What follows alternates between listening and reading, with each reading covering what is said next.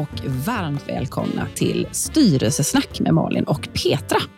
Det här är podden för dig som är intresserad och nyfiken på styrelsearbete och bolagsstyrning i allmänhet. Idag så har, eh, jag får säga jag har en speciell gäst och det är ju min poddkollega Malin. Hej Malin! Hej, vad konstigt det här känns då. Eller hur? Ja, Ja, verkligen. du hijackade ju mig förra säsongen. Ja, jag gjorde ju det. Så att, nu tänker jag, nu hijackar jag dig denna Mm. gången. För Mm. att det är ju så att du har ju en otroligt spännande bakgrund och det är ju inte alltid så att eh, våra eh, kanske erfarenheter och så kommer fram på samma sätt när vi har våra gäster. Så att eh, vi kommer tillbaka ibland till dig och mig eh, och så. Och eh, jag har ju bett dig faktiskt att vara gäst för jag är ju oerhört nyfiken på massa saker som, som du har med dig och din bakgrund och så som jag tror att väldigt många andra är intresserade av. Så att eh, varmt välkommen Malin. Tack så mycket. Tänk att vara poddgäst. Ja, eller hur? Hur känns det? Du- känns det bra? Ja, men jag, eh, nej, Nej. det känns, känns lite obekvämt måste jag säga. Ja. Det är jag som ska ställa frågorna, men Ja. jag tror... eh, Jag, Du får jag vet ju att jag kan lita på dig, Ja, så det ja, blir bra. Det är bra. Det är bra. Eh, men jag tänker att eh, bara för att ge liksom våra lyssnare en liten bakgrund till liksom, ja, men vem är du och vad har du liksom för bakgrund? Och sen är jag ju jättenyfiken lyssna in. Liksom, vad var det som gjorde att du liksom kom in på det här med att jobba med styrelseuppdrag rent professionellt då, som ett yrke? Just det. Mm. Ja, ehm, jag är... ehm, jag är ju styrelsearbetare, liksom du, Mm. sedan ehm, drygt tio år tillbaka. Eh, när man räknar ihop åren så blir det några år. Mm. Eh, innan det, jag är, är, är um, ingenjör, civilingenjör från Chalmers. Eh, och hade ett antal arbetsgivare innan jag landade in i Volvo-koncernen. Där jag ehm, jobbade, jag var anställd i, i eh, ungefär 20 år, men jag tror att jag jobbade eh, 25 år.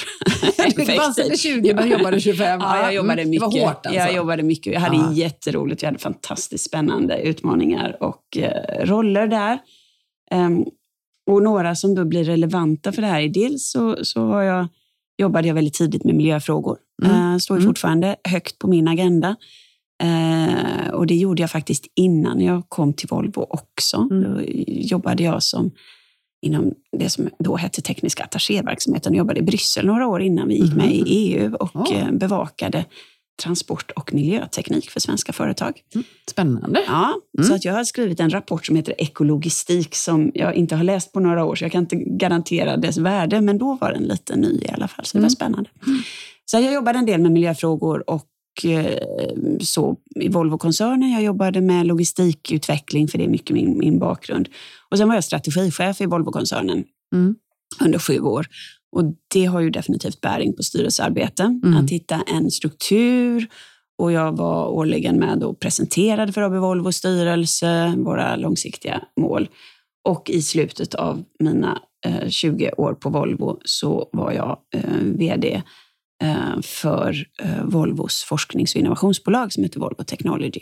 Eh, och det var en, en jätterolig eh, utmaning eh, att få jobba med det. Eh, och att, så att just det här att också ha haft en styrelse själv, att vara vd, att rapportera till den, att ha det här, ja men det ska vara lite anspänning inför ett styrelsemöte. Mm. Så det, det är min, ja, och så lite smått och gott annat, är väl liksom min operativa karriär. Och jag trivdes jättebra i det. Och jag, Mm. jag hör ju till dem som tycker om att leda människor och att få vara del av ett sammanhang. Så det var inte självklart när du frågar hur, hur landade jag då över i, i styrelsearbetarkollektivet, för Mm. vi är ju ändå några nu. Mm.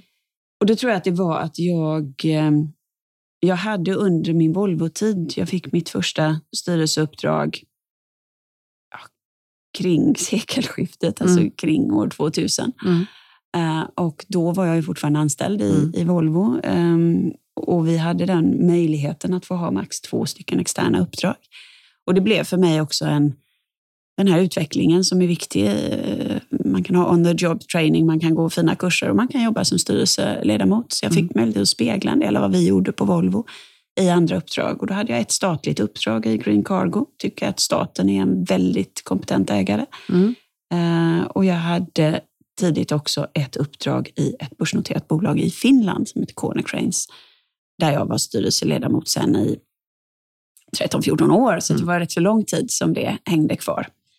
Eh, och det där i samband med att jag naturligtvis hade ett antal interna styrelseuppdrag, jag var ledamot i Volvo lastvagnar till exempel och, och, och så, gjorde att jag förstod att, och, och, kände, jag hade känt på det här, styrelsearbete är spännande. Eh, därför att du, du kommer in i någon form av maktbubbla, du ser hur det fungerar och inte fungerar. Eh, och jag lever ju i tron fortfarande att man som styrelse kan göra en hel del nytta. Mm. Så sen 2011-12 någonting, med något litet undantag då jag klev in och, och, och gick in som vd i, i Chalmers ägarstiftelse under två år, så har jag jobbat heltid som mm. styrelseledamot och rådgivare och så. För det, det är ju Lite så. Mm. Men, men jag tänker, liksom, är, är, det stor skillnad på det här att vara interna styrelser som du kanske var på Volvo och när du tar uppdrag utifrån? Alltså, mm. Kände du att det var någon skillnad där mellan den typen av styrelsearbete ja. eller styrelseuppdrag på något ja. sätt? Um, ja, det tycker jag um, att det var. Dels så var det ju skillnad för mig personligen. Mm. För att jag hade, när jag fick de här uppdragen i Volvo så hade jag jobbat så pass länge så man visste vem jag var. Mm. Annars när man går in i en styrelse så är man ju rätt så ny mm. i, i, sammanhanget. Mm. Så man får ju börja med att och presentera sig mm. och, och, försöka fundera på hur kan jag bidra här. Eh, och den utmaningen hade man ju inte. Sen blir det ju lite annorlunda också när du jobbar i en intern styrelse därför att du på sitt sätt jobbar som styrelse åt indirekt dina kollegor. Mm. Mm. Eh, och det kan vara en utmaning i sig. Mm. Sen tror jag att själva styrelsearbetet, formalia, det var ju inte börsnoterade bolag inom koncernen. Nej. Så att det är klart att den, det som vi kallar governance, mm. Eh, den delen fanns ju inte på det sättet, utan vi, var, vi jobbade i de strategiska frågorna. Mm. Um, och det var ju eh, och i några av våra bolag så hade vi också externa ledamöter och då, mm. då blir det ett styrelsearbete och är det bara interna ledamöter blir det ett annat. Mm. Om du skulle beskriva skillnaden däremellan då, liksom när ni bara är interna, vad, vad skiljer det då när ni hade faktiskt externa in i de här styrelserna? Som... Ja, men då, då ställer de ju lite andra frågor för de har inte bakgrunden på samma sätt mm. som vi. Mm. Så att, ehm, och det tror jag är bra, mm. därför att då kan du då kan du få lite oväntade frågor. Men hur tänkte ni här? Och har ni tänkt den här tanken? Eh, annars så kan folk eh, språket och ja, ja, men det är ju så för att vi vet ju att den konkurrenten gör sig eller den mm. konkurrenten gör så eller våra medarbetare fungerar på det här sättet eller vi har alltid kämpat för att komma in i Malaysia. Mm. Men har du en extern ledamot som inte vet det mm. så säger de att ja, men har ni pratat med den och den om Malaysia? Varför, varför Malaysia och varför inte något annat land? Mm. mm. Så att eh, jag trodde det var bra i mm. de fall vi hade de här externa ledamöterna. Mm. Men, men sen då när du klev ur då Volvo-sfären och ja. då liksom gick över i att jobba mer professionellt med styrelsearbete. Mm. Eh, om, du, om du skulle beskriva lite grann din liksom bana där, alltså vad är det för bolag mm. och, och liksom, eh, ja, lite beskriva liksom din resa därifrån och ja. fram tills idag. Då. Nej, och där tror jag att det är, det är så kul när du och jag jobbar ihop, mm. för att vi kompletterar varandra. Vi har, mm. vi har liksom samma bas, mm. eh, men vi väljer, vi har valt att och jobba på lite olika sätt. Mm, mm. Så jag är väldigt sällan ordförande. Mm. Ehm, jag har några ordförandeuppdrag, eh, men inte särskilt många. Ehm, Finns det en anledning till det? i din värld? Eller har det bara blivit så? Eller liksom jag tror att det, det mest val? har blivit så. Mm. Um, och kanske också för att en, en annan stor skillnad som, som du och jag har, det är att jag jobbar mycket i noterad miljö. Mm. Mm. Uh, alltså i de börsbolagen. Och uh, eftersom jag har gjort det ett tag och de uppdrag jag har eh, har jag haft rätt så länge så, så har jag inte gått in som ordförande där. Mm. Eh, däremot så har jag eh, ja, nej, däremot så har jag gått in och, och, och varit ordförande i kommittéer och liknande. Mm. liknande. Men, mm. eh, så att, tror jag att då har det blivit så, så har jag trivts rätt så bra i den här rollen. Och sen har jag många uppdrag också. Mm. Uh, och jag tror att skulle jag ta ett, ett ordförande, eller tror, skulle jag ta ett, ett ordförandeuppdrag så skulle jag ju minska på portföljen. Mm. Mm. Vilket man kan välja att göra, men jag har, jag har inte gjort det så att, Mm. hittills. Mm. Jag har fått några, några intressanta frågor och, och kring, kring lite större ordförandeuppdrag och hittills så har det Mm. inte riktigt eh, passat. Men, men om man tänker så här, eh, för du säger börsnoterade bolag, eh, och då, då liksom, vi, man kan ju lite grann slarva med det ordet. Mm. Eh, och en del, liksom, när vi säger börsnoterat, då menar vi allt ifrån liksom Spotlight, Ja. eh, First North, Mm. upp till liksom stora börsen. Mm. Alltså, var någonstans har du rört dig i dina Jag har ju stora bolag. Ja, Ja, mm. Så jag har ju, eh, I dagsläget har jag fem uppdrag i, i noterade bolag. Mm. Eh, och det är också mycket därför att eh, institutioner och andra ägarrepresentanter har, har många synpunkter Mm. kring antal uppdrag man kan Mm. ha och då räknar de framför allt noterade bolag. Mm. Eh, och de brukar sätta en gräns på fem uppdrag. Okej. Så Mm. att jag förhåller mig till det. Mm. Och då har jag, i dagsläget har jag fyra av de uppdragen i Sverige och ett noterat bolag i London, Mm. Londonbörsen. Och det i, i London är inte på, bland de hundra största i London, men, men bland de 250 största Mm. Mm. i London. Eh, och i Sverige så är eh, faktiskt samtliga fyra på stora, stora listan. Stora listan. Large cap. Mm. Mm. Mm. Och, och liksom, var det helt naturligt från början att det blev så och du blev tillfrågad till det? Eller liksom var det också ett ganska givet val för dig att också fokusera på den, liksom, ty- Mm. den typen av bolag som det också innebär, allt Ja. vad det innebär, tänker jag. Ja. Eh, Jag tror att i och med att jag tidigt fick det här uppdraget på- då i Konecranes i, Mm. i Finland, Mm. som var noterat där Mm. och som var ett av de största bolagen i Finland, så blev det naturligt sen när, när searchbolag och andra sökte Mm. ledamöter att jag hade den erfarenheten Mm. och att jag trivdes i det. Så, att jag, så det är lite ett mellanting. Ja, Mm. jag vet att jag trivs i, det, i, i den typen av bolag. Ehm, och samtidigt så, så har jag visat att jag förhoppningsvis gör nytta Mm. i, i den typen av Mm. bolag också. Sen har jag ju varit med om, om bolag som... Eh, för för det, det händer ju också ehm, att ett bolag som står inför en notering, Mm. eh, då finns det ju krav från, från börsen att Mm. man ska ha personer som kan, Mm. kan börsbolag. Mm. Eh, Så att mm, det händer ju att jag får några sådana telefonsamtal ibland, att man vill ha någon som då har börserfarenhet Mm. eh, på stora listan. Mm. För att det, det behöver man när man går in på börsen. Men jag tänker, vi har ju pratat om det tidigare, eh, liksom om det här med rekrytering och searchbolag och att det kanske Mm. är skillnad då mellan de liksom noterade bolagen och de mer liksom privata bolagen. Eh, och om, om du skulle få lägga din bild på det, eller dina reflektioner på de här searchbolagen också då, liksom Mm. att, som du säger, att ja, men de vill ju jättegärna ha personer som har en erfarenhet. Alltså, hur enkelt är det för någon som inte har erfarenhet att faktiskt komma in i den här miljön? Mm. På tal om liksom, eh, lite grann det här, ja, om vi nu kallar det för en liten ankdamm då, Mm. som det kanske blir till slut då med, med Mm. ett antal personer som, som finns i den här Ja. miljön, om man säger så.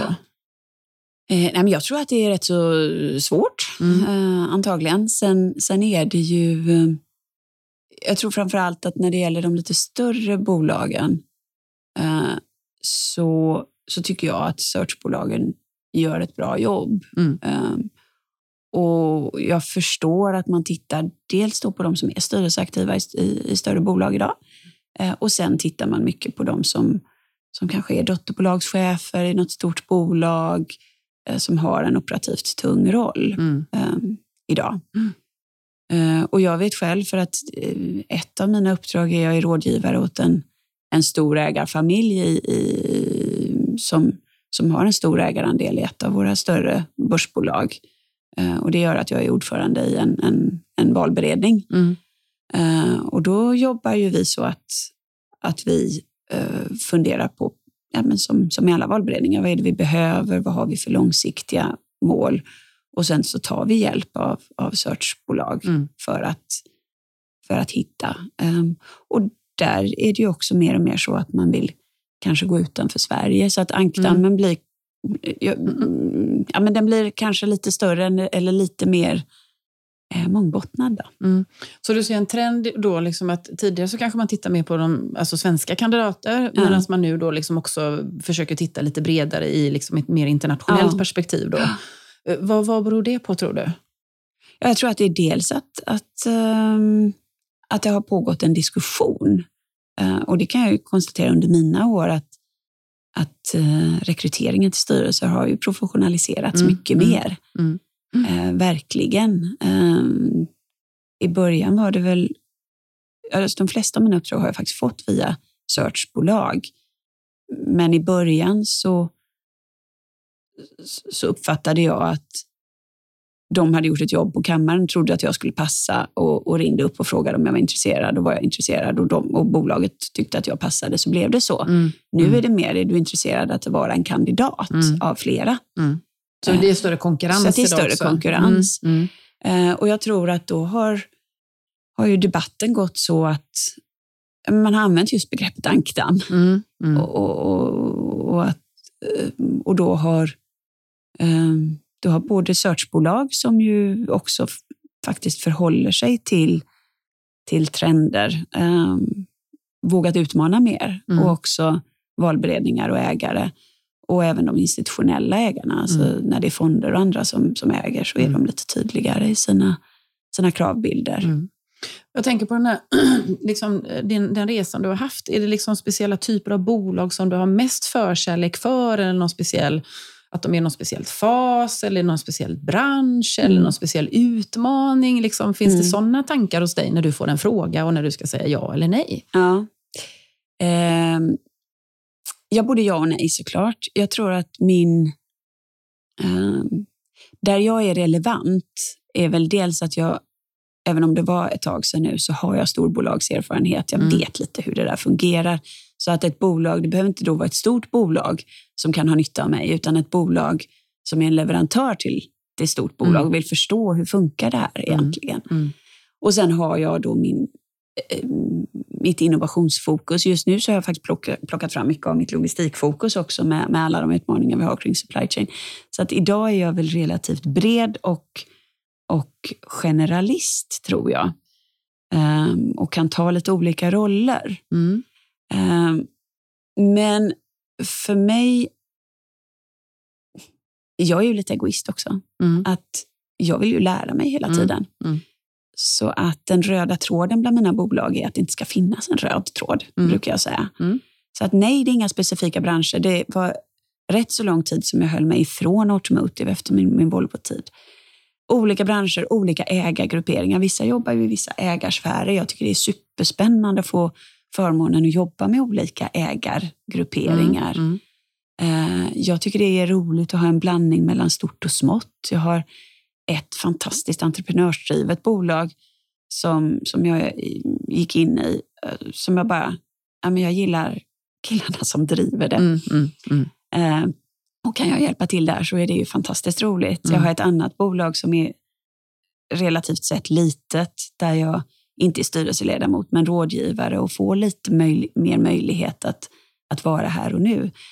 Eh, Så att det är en väldig blandning därför att det ger mig mer och då tror jag faktiskt att jag blir bättre också. Mm. Att jag kan relatera till olika saker. Och sen när det gäller branscher så är det också väldigt avsiktligt. Eftersom jag jobbar heltid med det här så har jag ju många uppdrag. Mm. För jag vill jobba mycket. Mm. Eh, Och då vill jag i möjligaste mån undvika jävssituationer Mm. också. Mm. Och är jag då i olika branscher så är ju risken mindre Mm. att jag eh, behöver jäva ut mig i vissa frågor. Jag tänker på det här liksom med närheten till ägare, eller liksom när man då jobbar i noterad miljö. Mm. Och vissa har ju liksom kanske ändå liksom starka ägare som Mm. påverkar och, Mm. och andra inte kanske. då. Mm. Alltså, eh, det här, och, och så har man kanske då privata bolag, eller när man Mm. är lite närmare ägarna. Alltså, hur viktigt är liksom den här kontakten med ägarna, eller att man har en väldigt kanske mer tydlig ägare? Alltså, vad, vad tänker du kring det och, och vad är den positiva uppsidan med det? Ja.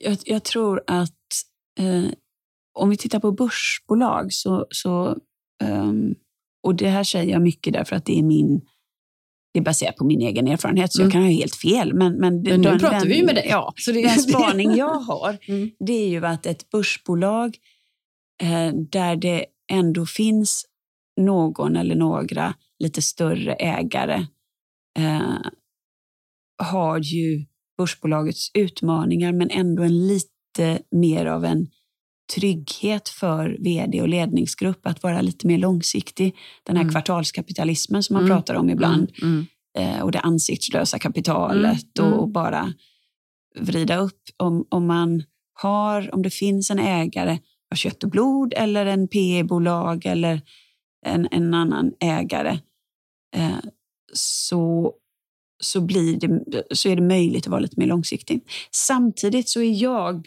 eh, alltså min roll i mina bolag är eh, alltid att vara den oberoende ledamoten. Mm.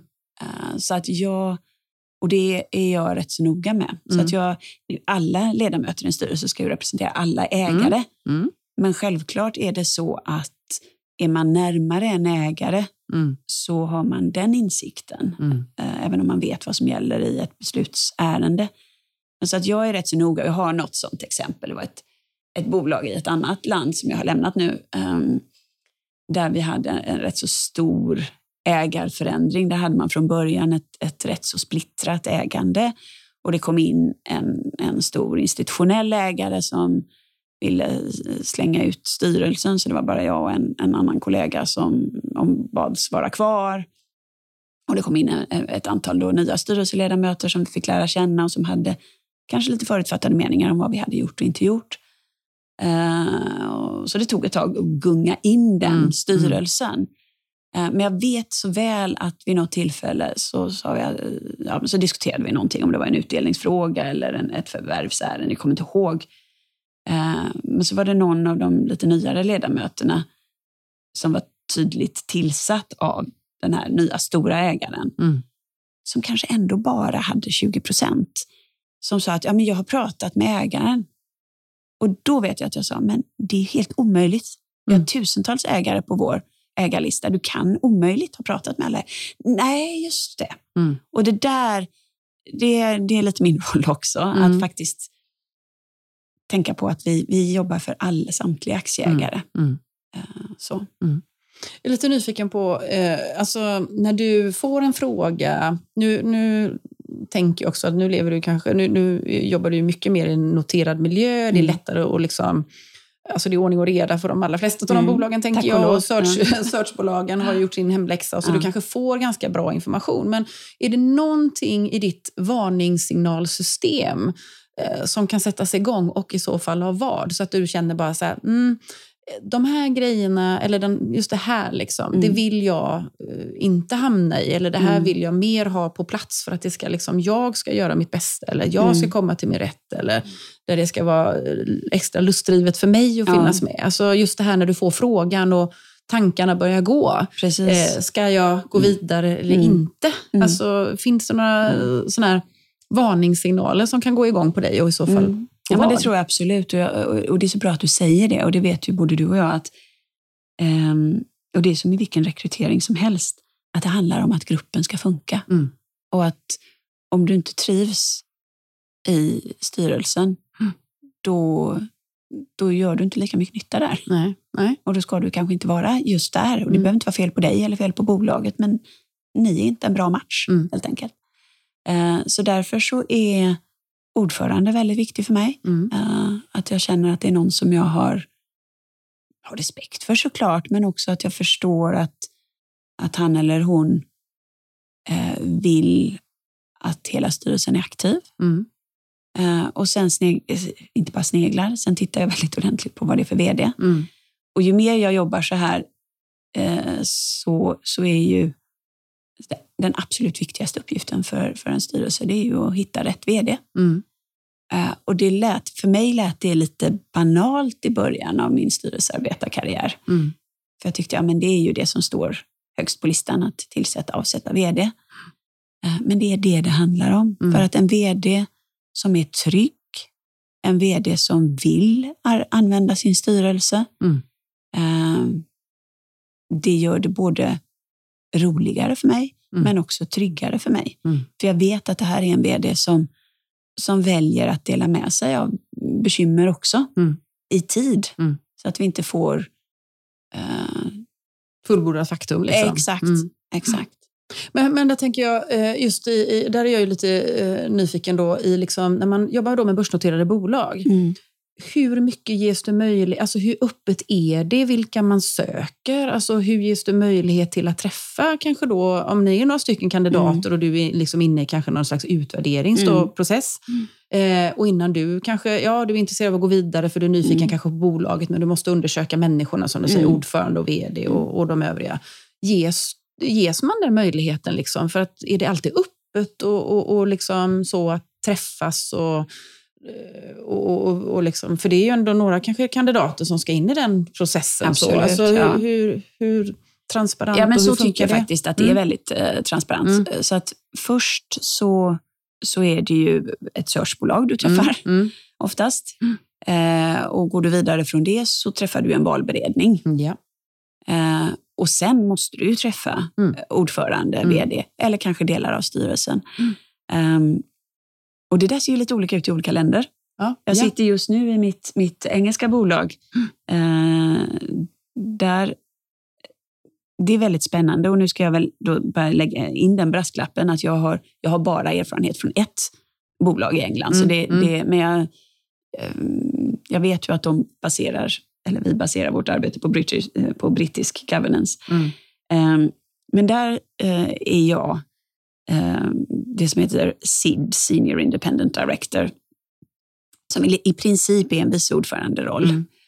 Eh, och som dels innebär att jag blir alltså bryggan mellan ordförande och eh, övriga styrelsen eller bryggan från bolaget in i styrelsen om man inte vill prata med ordförande. Så att jag blir en, ehm, men en egen whistleblowing-kanal på Vad något spännande. sätt. Ja, Men det är används- superspännande. Men är, används det då som en whistleblower? För whistleblower för mig, då liksom, det är ju larm, liksom, Ja. tänker jag. Mm. Men är det, kan det, be, behöver det nödvändigtvis vara det? Nej, eller det kan behöver det vara... inte vara. Det behöver Nej, inte vara. nej. Utan eh, jag, och det, tycker, det här tycker jag är jätteroligt, för jag gillar ju att vara Mm. nära organisationen. Eh, och det kan vi prata eh, mer om, den rollen. Och, men en annan uppgift då för, för SIDden, Mm. det är också att leda arbetet med att söka ny ordförande. Mhm, spännande. Eh, och, Och man får inte föreslå sig själv då? Eh, ja, då får man ju kliva av den Mm. rollen. Att, eh, Men jag bara, är, är, SID, alltså är det en formell Ja. i, inom den brittiska liksom, Mm. bolagsstyrningsmodellen? Alltså Ja. den ska finnas, det är ett krav på det? det uppfattar jag att det är ett krav. Ja, Ja. ja, Mm. okej. Mm. Mm, spännande. Eh, För den har vi ju inte alls i den svenska bolagsstyrningsmodellen. Nej, inte på det sättet. Vi kan ju ha en vice ordförande, men den är ju lite mer lös Mm, i kanten då. Ehm, och det gör också att, att det är jag som har de... Så jag ska ha ett utvärderingssamtal med ordförande och jag ska samla in så att, eh, synpunkter från mina styrelsekollegor och så. Mm. Och i England så är det väldigt tydligt med mandatperioder så att oftast så, åtminstone i det här bolaget, jag tror att det är likadant i de flesta, Mm. ehm, så du utses naturligtvis inte på tre år, men inriktningen är att du ehm, utses på tre år och sen väljs du om varje år Mm. och så kan du göra tre plus tre plus tre år och sen är det slut. Ja, så to- totalt nio år Så kan du få vara i den Ja. positionen då kan Så man säga. vår ordförande, Sir Terry, Mm. eh, han ska lämna. Ja. Eh, och det är inget konstigt med Nej. det, för han har jobbat sina nio år. Mm. Okej. Och då är det jag som leder det arbetet. Och det jag skulle komma till där som, som är annorlunda i England och som jag, jag ställde den frågan när vi hade Hans Börsvik som Mm, vi pratade mm. valberedningsarbete. Mm. Eh, jag är inte helt bekväm med att i England så finns det ingen extern valberedning. Nej, okej. Utan där är det faktiskt vi eh, NEDs, då, non-executive directors, Mm. eh, alltså de eh, icke, Mm. eh, de, de externa ledamöterna. Det är vi som är nomination committee. Mm. Eh, så att det är, det är vi som söker en ny ordförande, så lägger vi fram det till stämman naturligtvis. Mm. Mm. Men det är också vi som rekryterar andra styrelseledamöter när deras mandatperioder går ut. Eh, och det är vi som rekommenderar oss själva till Ja. för omval, vilket Ja. är superkonstigt för mig Ja. och lite obekvämt ska jag ärligt säga.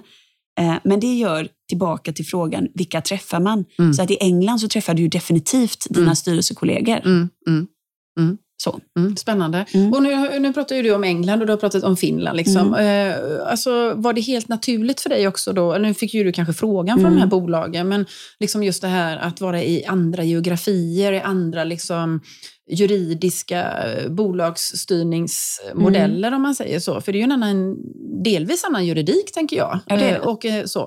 Eh, var det givet från början och, och liksom vilka, vilka geografier har du varit i liksom, som Mm. du har erfarenheter av? Mm. Alltså från början var det naturligtvis inte det, men, men jag tror att i och med att jag hade ett uppdrag tidigt i Finland så Mm. insåg jag ju att, att här är också vi svenskar välkomna Mm. på ett sätt. Mm. Ehm, så att om det här som kanske mer för ett decennium sedan var, var en, en svensk ankdamm, då, då eh, utökade man ankdammen Mm, något. okej. Mm, mm, mm. Eh, Så att jag har jobbat i Finland, jag har jobbat i Norge i några olika bolag. Jag har inget i Norge just nu. Mm. Eh, Och jag har jobbat i England. Ehm, har också något bolag just nu med, med huvudkontor i, i Tyskland, men det är ändå ägt från, från Sverige. Ehm, så att jag har hållit mig i Europa. Eh, och nordisk ehm, governance är ju relativt... Ja, men vi, vi känner igen oss rätt Mm. så väl. Mm. Det Mm. finns skillnader. Alltså, eh, stämmorna är mm, lite olika, tycker jag. Ehm, lite olika hur man hanterar ehm, medarbetare i styrelsen, arbetstagarrepresentanter. Mm. Och England är ju rätt så olikt eh, då, Mm. tycker jag. Eh, och det har varit... Eh, ja, det var absolut medvetet att jag tyckte det var spännande Mm. att få, få göra det. Mm. jag är rätt så... Eh, när du frågar förut vilka miljöer jag trivs i så, så gillar jag ju det internationella och det globala också. Mm. Även om, ja. Men, men om man tänker, eh, då är jag lite nyfiken på alltså an, vad du ser, liksom, i alla fall utifrån det du, du känner till, om man Mm. säger så. Mm. Eh, dels ansvarsfrågan när man kliver in då i en annan eh, juridisk geografi, så att Mm. säga, då, i sin styrelseroll. För du kan ju inte bara eh, kopiera och tänka att det som vi har som lag i Sverige, det är givet i något annat land. Liksom. Vad, vad skulle du säga, kan du peka ut någonting som skiljer sig mer åt som Mm. i, i andra liksom, geografier? Så? Ja, i, i England ehm, så är det relativt uppstyrt. Ehm, det är också så att ehm, vi har ju pratat lite om kommittéarbete tidigare Mm, mm. med våra poddgäster. I England så finns det också kommittéer, men där är det nästan givet att du är med i alla kommittéer Som styrelseledamot? som styrelseledamot. Okej. Mm. Och det är ju också så att vi har i styrelsen, man pratar om board level och det är ju också vd, CFO, alltså ekonomidirektör, chef eh, och kan vara ytterligare någon. Så det kan vara två eller tre stycken intern, alltså som är anställda i bolaget som också finns i styrelsen. Mm. Mm. Eh, och så är vi ett antal då NEDs, non-executive director, som är externa.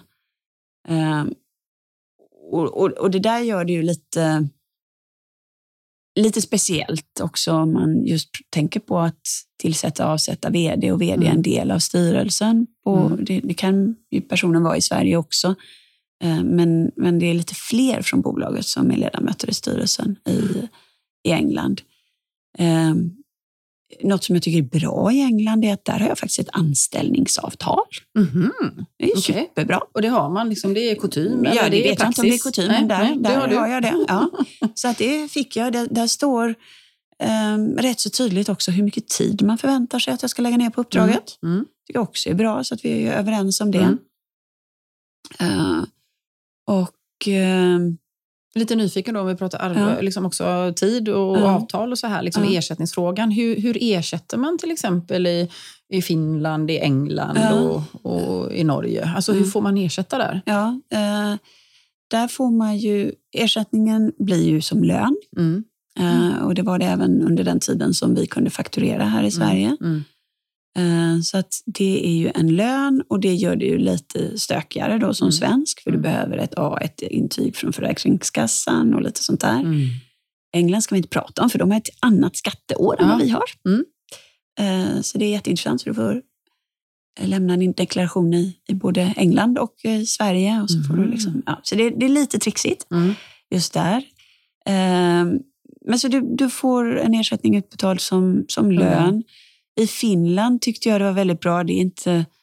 ehm, det, det kan ju ske i andra geografier också och även i Sverige har jag hört, men inte lika vanligt. Men i Finland så fick vi halva vårt arvode i aktier i bolaget. Mhm. Och det tyckte jag var jättebra. Mm. Eh, För att också som ledamot i inte minst i ett börsbolag så är du ju insider och du vill, inte, du vill gärna äga aktier såklart för Mm. att visa att du tror på bolaget Mm, mm. eh, och för att du tror på bolaget.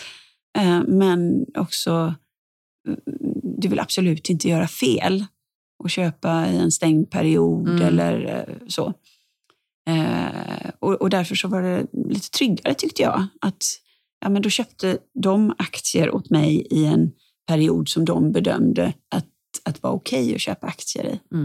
Och, men är det, är det ett krav eller liksom att det ser ut på det, Det sättet? var en eller är väldigt det stark rekommendation. Ja, okej. mm. Eh, så så att det var ingenting som de kunde tvinga in i och hade man något liksom, privatekonomiskt skäl att inte göra det. Jag hade en, en, en styrelsekollega som bodde i en helt annan geografi och som av skattetekniska skäl eh, så blev det inte Det så- bra. Så nej. att den personen eh, köpte också aktier men gjorde det i sin egen geografi Mm, i vårt mm, bolag. mm, så. mm, mm. Eh, men det var en rätt så tydlig rekommendation. Mm, mm.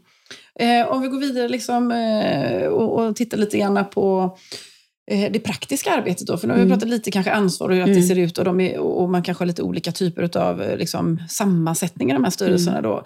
Alltså, om du tittar då på det praktiska styrelsearbetet, skiljer sig jättemycket åt ifrån eh, svenska bolag eller engelska bolag eller bolag i andra geografier som du har varit med i? Jag tror egentligen att det skiljer sig det skiljer sig mer från ett bolag till ett annat Okej. än Mm. mellan olika geografier. Ja. Mm.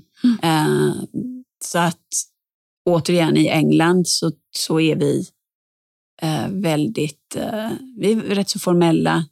Eh, det blir därmed rätt så korta möten. Eh, men liksom den strategiska diskussionen sker någon annanstans. Men det tror jag mer beror på den ordförande som, Mm.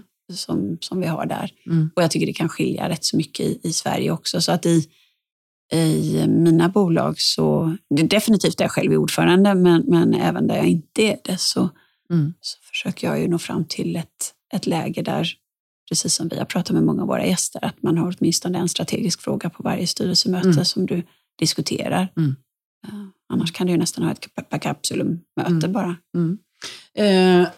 Jag tänk, eh, en annan fråga som jag vurmar väldigt mycket för, det är ju Mm. det här med när man kommer in i ett nytt bolag, en ny kontext. Eh, ja, och nu, nu pratar jag kanske lite med Sverige, det spelar Mm. egentligen ingen roll tror jag. Men, Mm. men ja, då finns det formella krav på och det finns ett formellt ansvar på en Mm. styrelse och så här då. Ehm, och jag, just det här med hur man anpassar sin bolagsstyrning ut efter varje bolags, ja, men vad de behöver helt Mm. enkelt. då. Vad är dina tankar kring hur bra är vi på det liksom, när, när du kommer in eh, på Ja, men ibland kan man ju liksom känna att är, är det för tunt ibland? Mm. Alltså, det är liksom lite hejkon svejkon. Mm. Eh, och så går det säkert bra ändå, för bolaget går ju bra. Mm. Eh, så. Och i vissa fall så är det nästan så att man kör, ja, om jag nu får säga då, storbolagsstyr, bolagsstyrningen på ett litet scale-up. Ja. Eh, så. Och, att man är liksom eh, för stor eller för liten i kostymen. Ja. Och att man måste anpassa. Alltså, vad, vad, ser du, vad är dina tankar kring just det här med att anpassa sin bolagsstyrning? Eh, och vad ser du när du kommer in i bolag? Hur, hur bra har, är man och hur mycket tänker man på det? Mm. Ehm, det är en väldigt bra fråga. och ja, men antagligen så tänker man generellt för lite på det, Mm. tror jag. Eh, men jag tror att det är tillbaka till, till ett av dina mantran också, att, att fundera och, och som jag också gör, mm, framförallt där jag är ordförande, att vi reflekterar i början av ett möte och i slutet av ett möte om vi Mm. har tillfört värde. Mm. Ehm, och att man också har ehm, en, en, återigen tillbaka till det här med en trygg vd som vill utnyttja sin styrelse Mm. och inte bara ser att oh, nu, är det, nu är det snart styrelsemöte, nu måste jag Mm. komma igenom det och sen kan jag jobba som vanligt ett, tag till Mm. innan Mm. de kommer tillbaka. Mm. Eh, Så att jag tror absolut att man ska, eller inte bara tror, man ska anpassa så att man tillför värde. Sen finns det ett regelverk som vi måste förhålla oss till. Och, och det tycker jag att genom att jobba mer och mer med, med årshjul så, så kan man ju bara se till att, att ticka av alla de formella kraven också. Mm. Att man ser att ja, men i februari så är det det här vi ska göra. Ehm, och sen behövs det en i, det behövs en duktig bolagssekreterare som är juridiskt bevandrad. Mm. Mm. Mm. Och som också är... är um, ja, I ett av mina finska bolag så, så kallade ordförande den, den eh, då, company secretary för keep us out of jail Ja. person. så att Okej. hon, skulle någonstans också hjälpa oss Mm. och se till så att vi faktiskt följer de, de Mm. regler som finns. Mhm. Men hur, alltså, och då blir jag jättenyfiken då. det här med, ja, men om vi kallar det traditionellt för- bra. för protokollförare. Då, liksom. ja. Mm. Eh, hur ser det ut? För jag menar, i, ett, i en privat kontext Ja. så de allra flesta brukar ju liksom ha antingen någon ifrån bolagets CFO, Mm. eh, en del delegerar ju till och med till vd, även om inte Mm. det är starkt rekommenderat Nej. att göra så. En del ronderar ju mellan styrelseledamöterna Mm. förutom ordförande och sådär. Eh, hur ser det ut i ett börsbolag? Liksom? Mm. Eh, hur, hur, vad är kutymen där? Alltså oftast så är det en, en, eh, en, eh, en jurist. Det kan vara bolagsjuristen eller det kan vara en, eh, någon från en advokatbyrå. Ja, så antingen man extern, man tar in Ja. en jurist, Ja. eller att man har någon intern helt enkelt som då Precis. får upp alla protokollen. Då. Ja. Ja. så det är praxisen. Liksom. Ja, det tycker jag det är. Mm. Åtminstone i de stora bolagen. Mm. Och, och jag håller ju helt med dig. Alltså, det är inte en uppgift för vd. Nej. Vd ska inte behöva sitta och fokusera på att skriva protokoll och inte för ordförande heller. Eh, Jag tänker ledamöter också, för Ja. man blir ju inte härvarande, för då är Nej. man ju så mycket i liksom dokumentationen Ja. och lyssna in alla och försöka Precis. plocka upp allting. ja. Eh, och blir ju en icke härvarande ledamot Precis. också, tänker jag. Så att, ja. Men, eh, ja. Och om vi då går vidare, liksom, för nu har du ju nämnt ordförande några gånger. Ja. Så. Och, eh, och nu är du ordförande i några Mm. så själv och sådär. Men i de allra flesta fall så är din eh, liksom, bakgrund att vara ledamot Mm. och är fortfarande. Eh, vad, vad är dina tankar kring liksom, Eh, ordförandens roll kan vi alltid liksom prata Mm. om så, men just det här eh, spännande att lyssna in på. När, vad, vad är det som en ordförande gör som gör att det, blir ett, Mm. att, att det är en bra ordförande? Ja. Och även, vad är det som de håller på med Mm. när du i alla fall tycker att nej, men nu är de ute och cyklar? Ja. Vad, vad cyklar de någonstans? tänkte jag säga. Men, Ja. eh, ja, men om vi kan få lite dina tankar på, på det. Alltså det här är så spännande. Jag har faktiskt funderat mycket på det eh, det senaste. Eh, och jag har, eh, alltså jag har förmånen att ha väldigt bra ordförande i de bolag som jag är aktiv i nu. Mm. Eh, och jag har... eh, och då tror jag...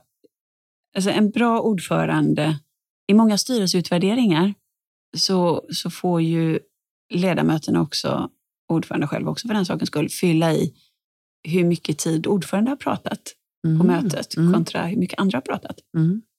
Eh, och i min värld så är det bra om ordförande inte är den som har pratat mest på mötet. Eh, så att för mig är en bra ordförande någon som skapar god stämning. Och hur gör man det? Jo, men genom att ta att fördela ordet faktiskt Mm. och, och ta alla på allvar. Och då tänker jag till exempel på arbetstagarrepresentanter. Mm. Att, eh, att aktivt bjuda in Mm. arbetstagarrepresentanter, att Mm. kanske prata lite innan om det är några frågor. Eh, Men också se till, för att vi är olika i styrelserummet. och Själv är jag mer på den introverta skalan. Ehm, Så att jag har inte lika mycket airtime som några av mina andra kollegor. Däremot så brukar en del vänliga själar säga att när jag säger någonting så är det rätt så bra. Mm. Mm. Ehm, Det brukar vara så. det är bra. Rätt Mm, genomtänkt och, mm. och, och, och tillför och sådär. Så det är ju roligt att höra. Ehm, Så en bra ordförande ser till så att alla kommer till tals. Mm. Eh, och gör en del förarbete. En bra ordförande ringer upp innan om det är någon, någon känslig fråga. Men har du tittat på det här? Har du några särskilda tankar du vill plocka med till mötet? Ehm, så att man är lite preppad. Mm. Inte att man har bestämt någonting i förväg, men det är Mm. bra för en ordförande att veta om vi har helt olika uppfattningar eller Mm. om det är något vi kan som vd och ledningsgrupp kan göra för att och, och hjälpa till i diskussionen. En bra ordförande, eh, jag känner rätt så väl tror jag, eh, när ordförande och vd har en bra relation. Mm. Det är A och O. Eh, däremot så, eh, jag tror att det är som, som i kommittéer, att jag, jag, jag kan ha synpunkter ibland på hur mycket ansvar en, en kommitté tar. Mm. framförallt de jag inte är med i, Mm, kan, kan jag mm. tycka tar lite för stort ansvar ibland. Och Mm. sen när jag själv är med så tycker jag det är jätteviktigt att, ja men det är klart vi ska lyssna av hela bolaget. och Sådär. Men, Mm. Så att någonstans att, att ordförande vd måste ha en, en tajt relation, men den får inte bli så tajt så att, Ni andra inte får plats. så att vi andra inte får plats. Nej. Faktiskt. Mm. Eh, Så att jag tycker det är bra att ordförande tillbringar mycket tid i bolaget och mycket med vd. Mm. Men det får inte bli för mycket. Mm. Eh, För Mm. att som styrelseledamot så, så ledningen har alltid, kommer alltid ha ett informationsövertag. Mm. Mm. Alltid, även om ansvaret vilar på mina axlar. Mm. Att det, det, jag har det juridiska ansvaret, men eh, jag, och jag kan ställa frågor på olika sätt och jag, kan, och jag har knep Mm. att göra det. Mm. Eh, men det är någonstans ändå lite beroende på vad man väljer att säga till mig. Mm. Eh, så att en bra ordförande återigen, bra relation med vd men inte för tajt så att man inte släpper in andra. Se till att lyssna in alla. Mm. Ehm, och något magiskt där i kittet att skapa god stämning och det är lite svårare att ta på. Mm. Mm. Ehm, men det gör också att jag tror att det är viktigt att, att ordförande är med. Ehm, och, och återigen tillbaka till Hans Börsvik-samtalet när vi pratade om att, att om ord- ordförande inte är med i valberedningen så ska man åtminstone väldigt tydligt prata med ordförande så man vet vilken kultur finns här. Mm. Mm.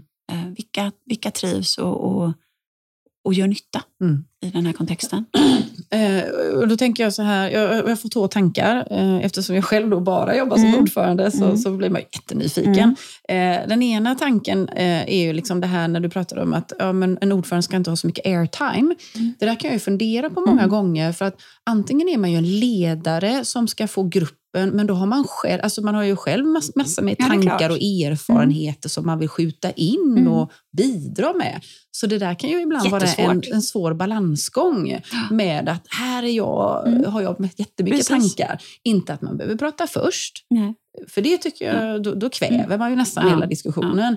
Men, men ändå eh, att man ändå kan komma in med sina Det är tankar. klart att Ja. man ska göra det. Och jag tror, men jag tror faktiskt när jag tänker, för du frågar förut, men varför har det blivit mest ledamotsuppdrag för mig och inte ordförande? Så tror jag det här är en av anledningarna. Mm. Faktiskt. Mm. Eh, Att, inte bara leda runt. Liksom, Ja, utan, att jag ja. vill faktiskt säga själv. Mm, mm, lite mer. Men självklart så är man ju också en i rummet och ska bidra. Det jag kan känna det är att, att om man, precis det du säger, självklart bjuder in de andra först mm, innan man själv Mm, lägger en mm. blöt filt. mm. Eh, och, men om det man tänker och känner redan är sagt, Mm. om man redan har kommit till det, ja, men då kanske man inte behöver upprepa det Nej. som ordförande. Mm. Det är mer Eller, så, eller mer jag. att man kan bara bekräfta. Ja, liksom, eller ja, att jag, jag, jag jag, Jag är med på jag är med på bollen. Ja, liksom. Och sen behöver man inte göra sin Nej, hela, sitt nej. hela utlägg. Liksom, så då. Mm. Mm. Och är, är liksom, om eh, det som är det negativa då, eller det där Mm. du har sett att det inte funkar så himla bra, är det Mm. motsatsen till allt det du har sagt nu då i princip? Eller finns det andra ja, delar här det är det. du... det är det ju. Ehm, och jag har...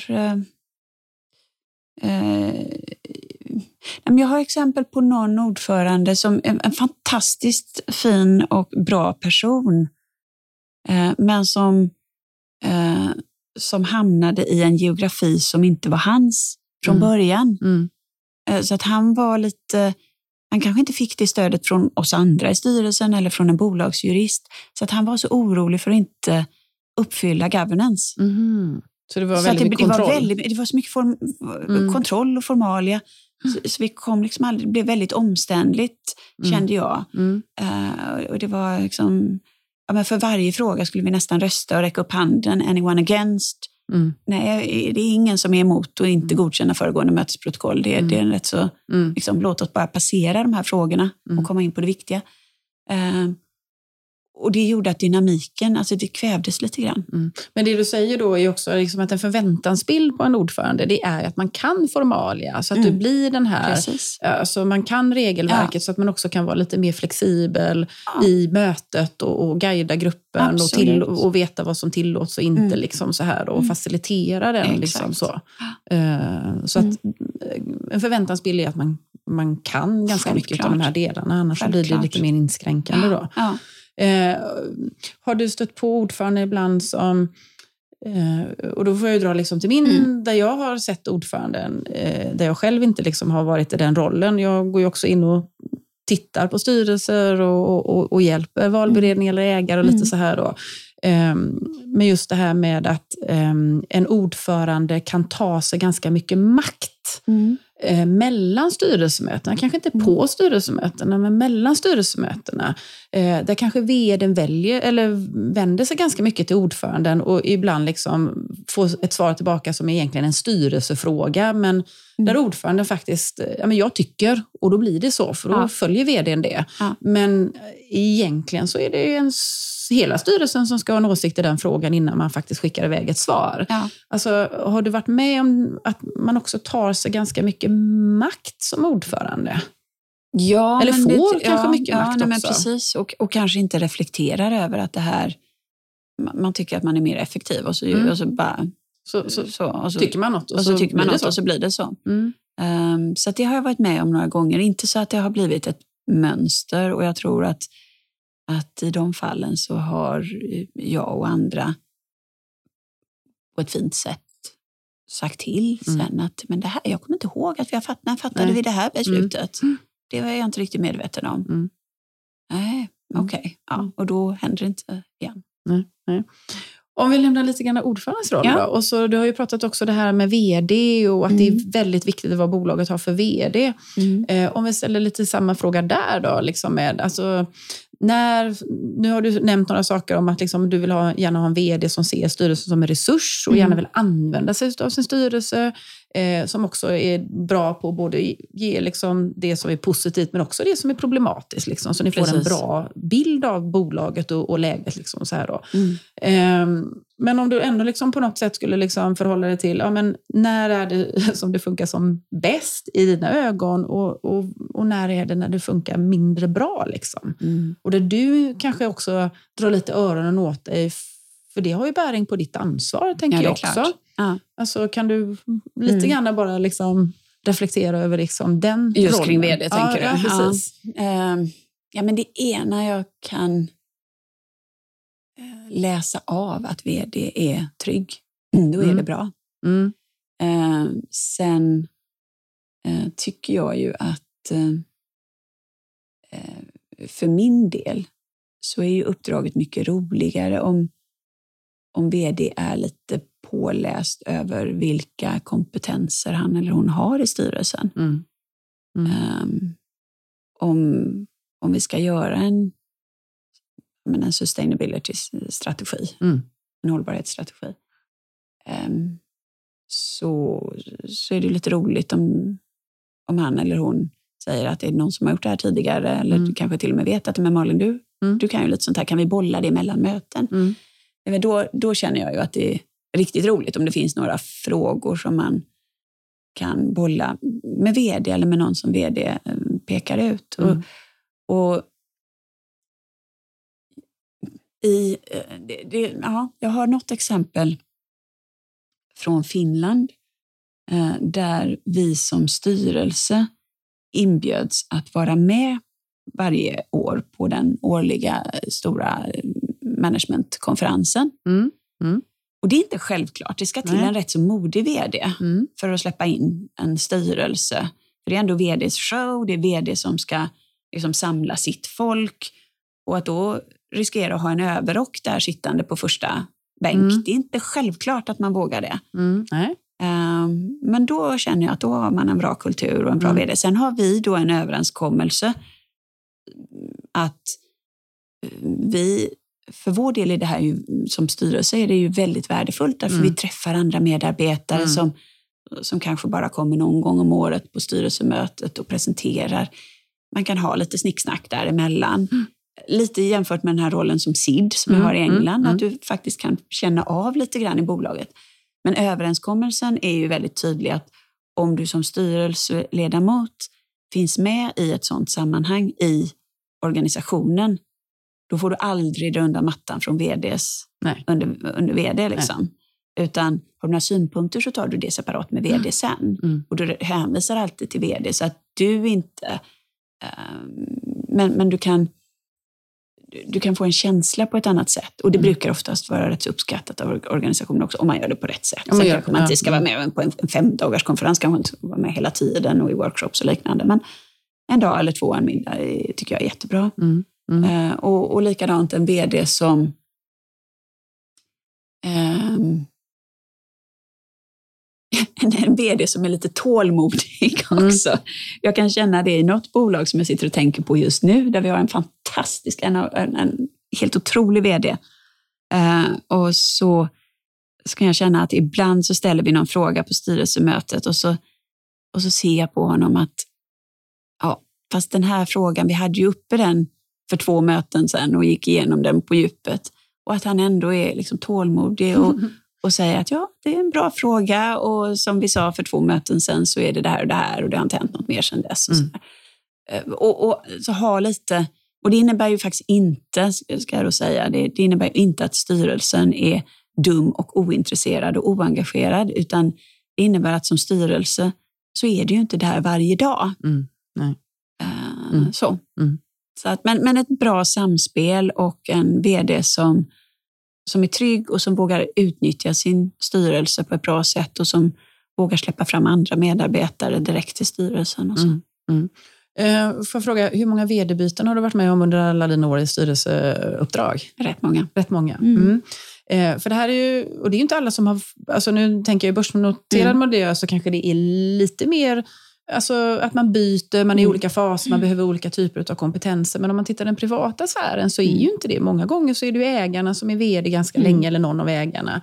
Eh, och det är inte alltid lätt, och, och det här med externa Nej. och sådär.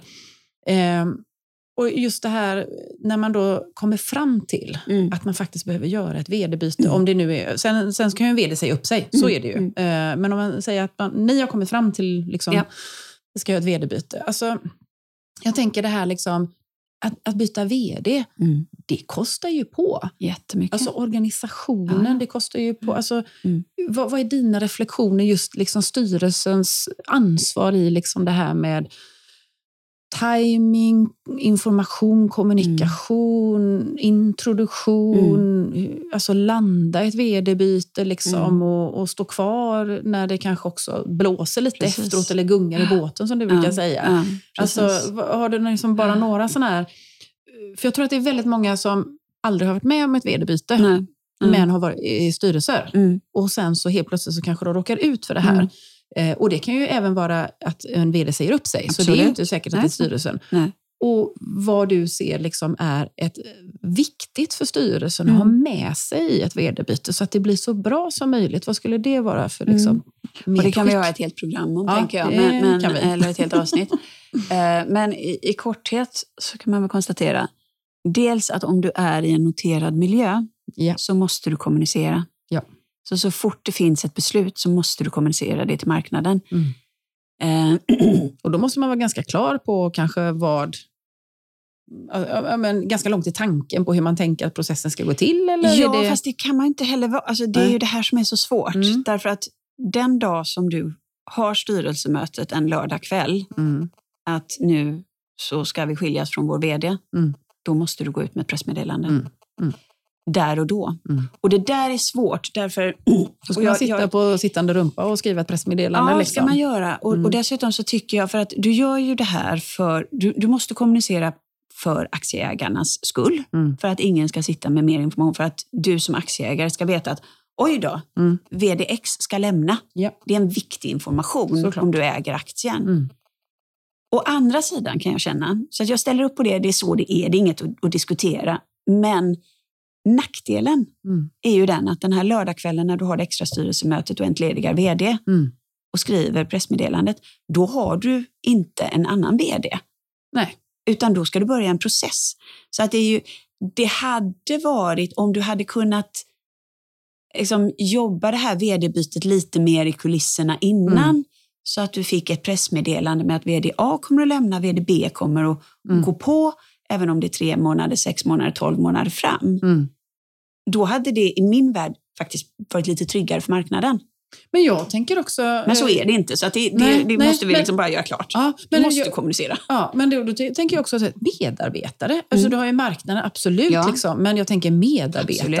Mm. som finns i bolaget som får samma Mm. information. Mm. Eh, vad, vad, vad det skapar också för Ja. läckage i Absolut. bolag. Kan göra i alla fall. Eh, för Precis. även om man har kanske en mindre bra vd eller en jättebra vd Men så, är fort det, någon så vet man slutar så börjar man ju fundera på om Ja. jag kanske också skulle göra det om man är öppen. Och det vet ju alla andra. Alla searchbolag och sånt där vet ju, mm, nu rör det sig i det bolaget, då ringer vi lite samtal. Då är de säkert... Ja, precis. För att eh, det finns ju liksom personer i ledande befattning Mm. som också, ha okej nu ska jag få en annan chef. Eh, vad händer med mig? Mm. Eh, jag hade jättebra samarbete. Eller så finns det de som tycker så här, gud vad skönt, den här Mm. vdn stack iväg. Nu Ja, kanske ja, jag får ja. eh, möjligheter. Men det händer ju grejer menar Absolut, jag då. och du måste hitta ditt sätt. Ehm, så jag gjorde så i ett bolag eh, där vi då kommunicerade ett vd-byte. Sen tog det väldigt lång tid av olika skäl som vi inte kan prata om externt. Eh, men under den tiden så gjorde vi så i styrelsen. Och då var gamla vd var kvar, men Mm. han blev ju lite lame duck som man Mm, säger. Han mm. liksom lite Mm. så. Eh, och då var gamla vdn kvar. Eh, men då gjorde vi faktiskt så i styrelsen att vi delade upp ledamöterna i, i företagsledningen oss emellan Ah, okej. och, och tog liksom lite mentoransvar. Mm, mm, Inte ett leda, ledningsansvar, mm, mm. men vi eh, sa att ja, men, du hör till mig och, Mm. och vi hörs av när Mm. du vill eller Mm. åtminstone en gång i månaden. Mm, mm. Eh, för det är jätteviktigt i interna arbetet. Ehm, sen är väl mm, rådet är, är ju det att det är känner du att det inte funkar så, så det brukar inte lösa sig själv utan byt när det inte Mm. blir bra. Mm. Och, och, Mm. och det finns ingen bra timing. Nej, det finns det ju aldrig. eh, eh, så. Men, men jag, nej, men Och var jag, inte för snabb sen när du ska rekrytera. Alltså, sen måste det bli det här klassiska. Mm. Du måste tänka, är den, är den likadan Pelle eller Stina eller Greta eller, eller Ahmed som du ska hitta? Mm. Ehm, eller är det någonting annat? Den är svår. Mm. Och Ja. jo, eh, förlåt, sista där Petra. Eh, en otroligt viktig punkt och ett stort ansvar för en styrelse, det är ju successionsplanering. Exakt. Så Mm. att eh, ett vd-byte borde egentligen kunna vara relativt odramatiskt. Därför Mm. att tanken är ju att du ska ha ett antal interna kandidater. Mm. Och även om du går ut externt så vill du ha ett antal interna kandidater som Mm. du matar in i den Mm. processen. Men hur bra, hur bra är vi på det då? Inte att jättebra. successions... Nej. Nej. Det är min upplevelse också. Eh, att man, eh, man tappar den Ja. eh, bollen helt enkelt. Det är så mycket annat Ja. som man tänker på Precis. och, och, jobbar med. Liksom, Så Mm. att den frågan kommer ganska långt ner Precis. på agendan. Så. Mm. En annan fråga som jag har, tiden går ju fort Ja, Malin, så att vi ska, vi ska av- avrunda Mm. alldeles strax. Men, men bara så här, eftersom det då finns i liksom utländska sammanhang, hur eftertraktade är svenskar i andra geografier att ha i Mm. styrelsen och varför är, är vi eftertraktade i så fall? Mm. Eh, men jag tror, min uppfattning är att vi är, är rätt så eftertraktade. Mm. Ehm, och eh, det tror jag är för att vi oftast står vi för lite ordning och reda. Mm. Ehm, Vi har koll. Eh, vi är på riktigt rätt så internationella, för att inte säga globala. Mm. Eh, vi kan jobba på engelska. Eh, och vi ger ändå ett annat perspektiv. Mm. Och jag kan känna det att, eh, eh, att också våga ta den rollen tycker jag är viktigt. Jag kan känna det i mitt, återigen då, mitt engelska bolag. Att vara den, för där är, ja, jag har en, en kollega som bor i USA, men hon har en stark koppling till, till England. Men, så att de flesta är faktiskt brittiska medborgare. Mm. Och att ha levt igenom Brexit med dem och att faktiskt våga utmana och säga att jaha, men det är kanske så att vi inte är så välkomna i EU-gemenskapen. Att, att våga liksom ta det här utifrån perspektivet Mm. är värdefullt för en Mm. styrelse. Mm. Eh, och det tror jag att vi är, är rätt så duktiga på. Även om vi gillar konsensus och inte, inte, inte bråkar för mycket så uppfattar jag att vi är, är pålästa. Och sen så har vi ju vissa, i mitt fall så, så tror jag att det har handlat mycket om att jag också har den här kopplingen till automotive tidigare Mm. som ändå är rel- relativt högt rankat. Och jag tror också att det liksom svenska innovationsklimatet Mm. är någonting som man tittar en hel del på. Mm. Mm. Och Det var ju liksom så, en sån fråga jag ville ställa till dig, men vi hinner inte med Nej. det nu. Liksom så. Men däremot så ska jag avsluta med att fråga dig så här, finns det något drömuppdrag så som du eh, funderar på, tänker på eller suktar efter? Så där? Eh, alltså jag tycker att det här med att ha jobbat i olika geografier har varit väldigt spännande. Mm. Um, så att jag, jag, jag, skulle gärna ta något annat stort bolag i, i Finland. Mm. Um, jag har några år kvar i England, men det kunde vara kul att hänga sig kvar där. Mm. Uh, jag vet inte om jag pallar med resande till USA, men det hade varit lite kul också. Um, men annars är det klart att jag, jag, jag tycker om den här kombinationen att ha eh, mitt underbara entreprenörsdrivna bolag där jag får vara nära eh, att få coacha en vd här och där. Um, men det finns ju det, finns ju några bolag på stora listan som jag är lite nyfiken på. Som jag gärna skulle kliva in i. Mm. Absolut. Mm. Du vill inte outa något? Nej, Nej jag gör inte gör det. Inte det. eh, Malin, eh, alltså, stort tack för att du liksom delar med dig så generöst. Alltså, jag känner ju så här, jag fick ju massa följdfrågor, eh, men vi kommer ju tillbaka till dig och mig, tänker jag. Så att, eh, jag tackar jättemycket för att du delar med dig av dina erfarenheter. Jag tror att Många lyssnare eh, lever inte i den världen, så att det är jättespännande att få glutta in i, liksom, eh, bakom dörrarna lite grann i det som du får vara med om och har varit med om. Mm. Så stort tack till dig Malin. Ja, och tack till dig. Det här kändes väldigt obekvämt i början, men det blev ju jättekul ja, att sitta här och snicksnacka. Ja. Eh, och eh, vi säger tack till våra lyssnare för denna gången. Som alltid. Och så, precis, och så är det på återseende helt enkelt. Ha det så jättebra. Hej då. Hej då.